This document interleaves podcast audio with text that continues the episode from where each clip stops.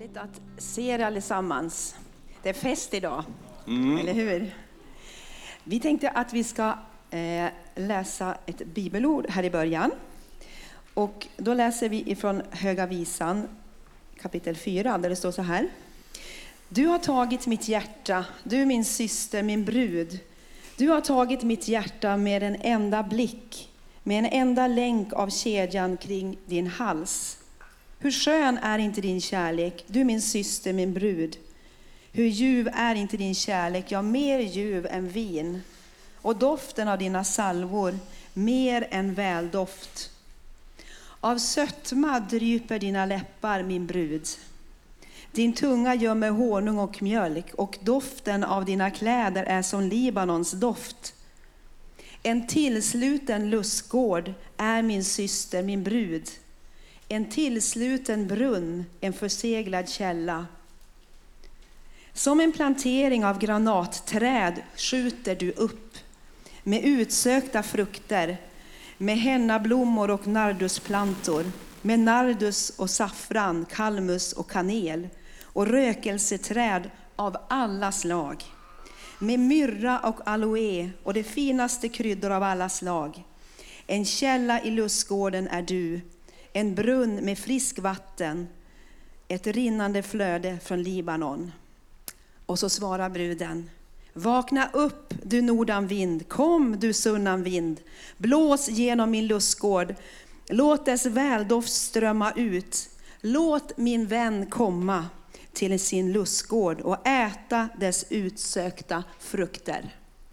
Precis, och det här är en fantastisk beskrivning. Höga visan det är en slags kärleksbok i Bibeln där det finns så många härliga beskrivningar av äktenskap och relation. Och det beskriver äktenskapet och relationen som en trädgård.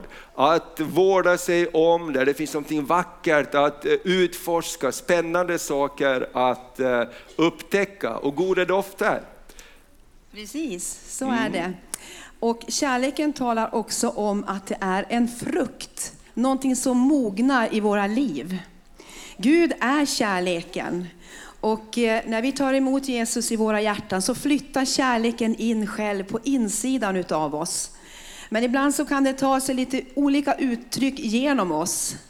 Men det som är det fina det är att kärleken kan mogna, kärleken kan växa i våra liv. Och det är det som eh, vandringen med Jesus handlar om. Att bli mer och mer lik Jesus och att växa i kärleken till honom och till varandra. Precis, så vi tänkte ta en liten stund här, 10 minuter och gå igenom hur ska man få det här att fungera? Hur ska man få trädgården att inte vissna ihop? Vill du veta det? Okej, vare sig du vill eller inte får du lyssna. Eh, och vi, vi ska börja med att tala om kärlekens fem språk. Det finns en fantastisk eh, författare som har skrivit en bok som heter Kärlekens olika språk. Kärlekens fem språk och den finns också för barn.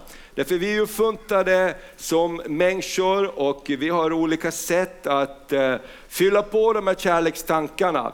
Och, eh, Fyll på kärlekstanken så blir det inte soppatorsk. Och det vill vi inte, eller hur? Så det första är, eh, Maria, Ja, det första, eftersom vi ska tala om fem olika områden som man faktiskt har kommit fram till genom forskningar som man gör idag. Vad är det som gör att äktenskap fungerar idag? Och det första är att man ser till att man använder ord som bekräftar och upplyfter varandra. Att man talar gott till varandra och om varandra.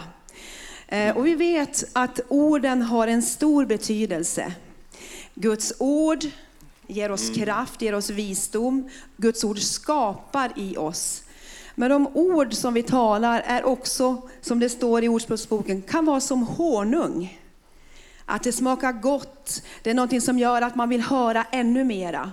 Men Guds ord kan också stinga som svärd om vi använder dem på fel sätt. Så att bekräfta varandra med uppmuntrande ord, uppskattande ord, genuina komplimanger ska vi ge varandra ofta. Det är någonting som bygger upp varandra och ger ett beskydd för varandra. Sluta inte tacka varandra i vardagen. Tack för att du kokar så gott kaffe. Det är samma kaffe varje dag. Men tack för att det är så gott. Små olika saker av ord som uppmuntrar, det gör att den här trädgården blomstrar. Det andra, det är kvalitetstid. Eh, kvalitetstid handlar om inte bara att vara jättemycket tillsammans, utan när vi är tillsammans så är vi närvarande. Och jag tror vi alla har haft den eh, upplevelsen att man är där fast man inte är där. Eller hur? Speciellt barnen kan eh, prata med en ibland och så kanske man har lovat någonting, men du lovade. Lovar jag verkligen det? Jag var inte riktigt där. Och jag tror det här kvalitetstid, boka in en tid då ni gör saker tillsammans och gör roliga saker ihop. Det är inte bara målet som är viktigt, utan resan är också viktig. Ja. Eller hur? Precis. Bra sagt. Tack för det. Ja. Så kan vi gå snabbt över till den tredje punkten. Och den tredje punkten det handlar om gåvor. Mm. Ja, det var väl det jag visste, tänker du. Gåvor. Det ska kosta också. Ja. Ja. Eh, det, man brukar ju säga det att vill man ha någonting gott så ska det kosta. Man får det man betalar för. Är det så? Men vet ni vad? Att ge varandra gåvor, att uppskatta med gåvor behöver faktiskt inte kosta mycket pengar. Utan det handlar om ett engagemang. Det handlar om att bry sig och lära känna den andra. Vad är det som uppskattar, vad uppskattar den här personen? Eh, det kan vara små gåvor, men ofta. Att mm. eh, uppmärksamma speciella dagar och visa uppskattning när du får gåvor av denna person. Mm. Och eh, det här är intressant och vi ska titta på det här lite grann också innan vi avslutar det här lilla undervisningspasset också. Att det finns faktiskt vissa människor som bara älskar att få gåvor. Och när de får gåvor så känner de sig så älskade. Medan mm. andra kan titta på det liksom och, och, och, tycka, ja men fint, och så lägger man det i högen. Och så går man vidare. Precis. Mm. Är det någon som känner igen sig där? På den punkten? Du kan väl berätta den där härliga storyn som, som, om, om eh, han som köpte en klänning till sin fru. Ja, det är ju en bra story. Den har jag fått höra ofta. Min man har väldigt många olika stories, det vet du som brukar var, gå här. Precis, det var en pastor som sa så här att en gång skulle jag överraska min fru och jag var ute på en resa, jag hade varit på en lång resa och tänkte jag ska ta hem någonting till min hustru som uppmuntrar henne. Jag köpte den finaste klänningen jag kunde hitta och jag kom och så för säkerhets skull så satte jag fast liksom äh, kvittot där bakom och så skrev jag några vackra ord på baksidan av dem till min älskling, jag älskar dig, du är så fantastisk och så vidare. Och, och, eh, så gav han den här till henne. Och han sa, nu har det gått flera år, jag har aldrig sett klänningen. Men det där baksidan på kvittot, det hänger i badrummet på spegeln. Hon hade det, ja precis. precis. Mm. Okej, okay. nästa. Eh, tjänster, visa kärlek för någon med, denna, med, med detta kärleksspråk. Förenkla vardagen genom att till exempel laga middag eller städa eller göra praktiska saker. Hjälp din partner med ett projekt i hemmet. Intressera dig för någonting den andra gör. Då lyfter vi upp varandra och Bibeln säger också att vi ska komma till varandra med ömsesidiga hedersbevisningar. Och det här kan vara ett kärleksspråk som är väldigt viktigt. Kanske du inte tycker om de där gåvorna på det sättet, men när någon hjälper dig, när någon tar tag tillsammans med dig och säger jag vill hjälpa dig, då betyder det någonting som är långt mera än, det, än någonting annat. Och fyller på kärlekstanken. Och det fyller på kärlekstanken så det inte blir soppatorsk. Mm. Och så går vi rast till nummer fem här. Fysisk beröring är det femte och sista. Som man också har kommit fram till att det är ett viktigt sätt att fylla på kärlekstanken. Att visa kärlek för någon med detta kärleksspråk, det kan vara att kramas, pussas, hålla händerna, ha beröring och vara nära. Prioritera intimitet och undvik långa perioder utan närhet. Och det här är också något som Guds ord talar om, att inte vara mm. ifrån varandra för lång tid. Utan man behöver närhet. Eh, Och det skapar kärlek, det skapar värme, det skapar förståelse. Så, så eh, det finns många som har det här kärleksspråket att, av att beröra varandra.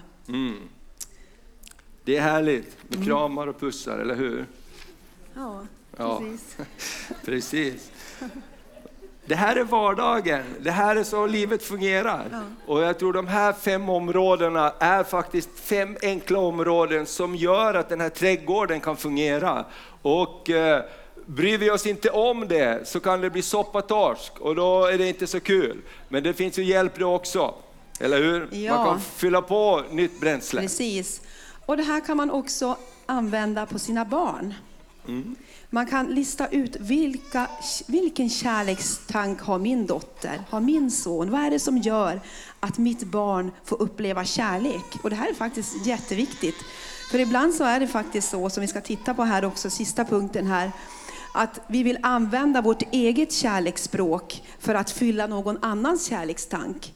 Men det kanske inte fungerar, utan vi behöver lista ut vad har den andra för kärlekstank? Hur kan jag fylla den andres behov? Precis, den sista bilden där.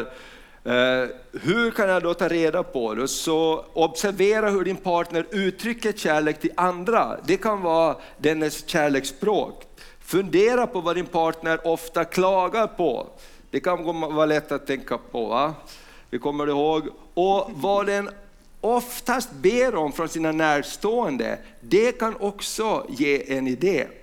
Och han som var författaren till de här böckerna om fem kärleksspråk, hans teori är att vi människor tenderar att använda vårt eget kärleksspråk när vi uttrycker vår kärlek till andra. Mm. Och det här tycker jag är så tydligt, vi har varit gifta snart 30 år och det, det är något vi måste använda hela tiden. Och vi har fem barn och vi ser hur olika de här barnen är när det gäller kärleksspråk också.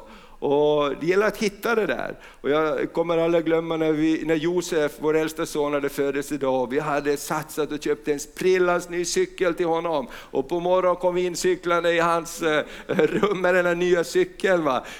Grattis på födelsedagen! Så kollade han på cykeln och frågade, eh, har ni inte något hockeykort också? liksom, hallå liksom, det här kostar flera tusen, det här kostar ju bara några, kom igen nu. Det, det är så olika. Alltså små, små hockeykort som man köper för fem kronor. Ja precis, det var viktigare för honom. Precis, och eh, då är det så här också att eh, i det här materialet så finns det en enkät. Enkät. Hur många gillar enkäter? Formulär man kan fylla i. Hela vårt land är fyllt av formulär. Men det här är ett bra formulär, för här ställs det frågor och man kan ta reda på vilket kärleksspråk har jag? Väldigt konkret. För det är ju någonting som man sen kan använda. Och så sen, om du är gift så kan du också läsa vad din partner har skrivit där. Så ser du vad han har för kärleksspråk och så börjar man fylla det. Bra! Ja. Nu gör vi lite verkstad. Du får gärna ta ett sånt här, du ska få ett sånt här till ditt vigselbevis så ni har någonting att dela. Ni kan ta ett papper vi vill ha och så kan ni skicka vidare. Så Förstås frivilligt, men det är en lite rolig grej det här. helt frivilligt, Gud ser dig. Du gör som du vill. Okej, nu har vi kommit fram till punkten att det är dags för vigsel här i kyrkan. Så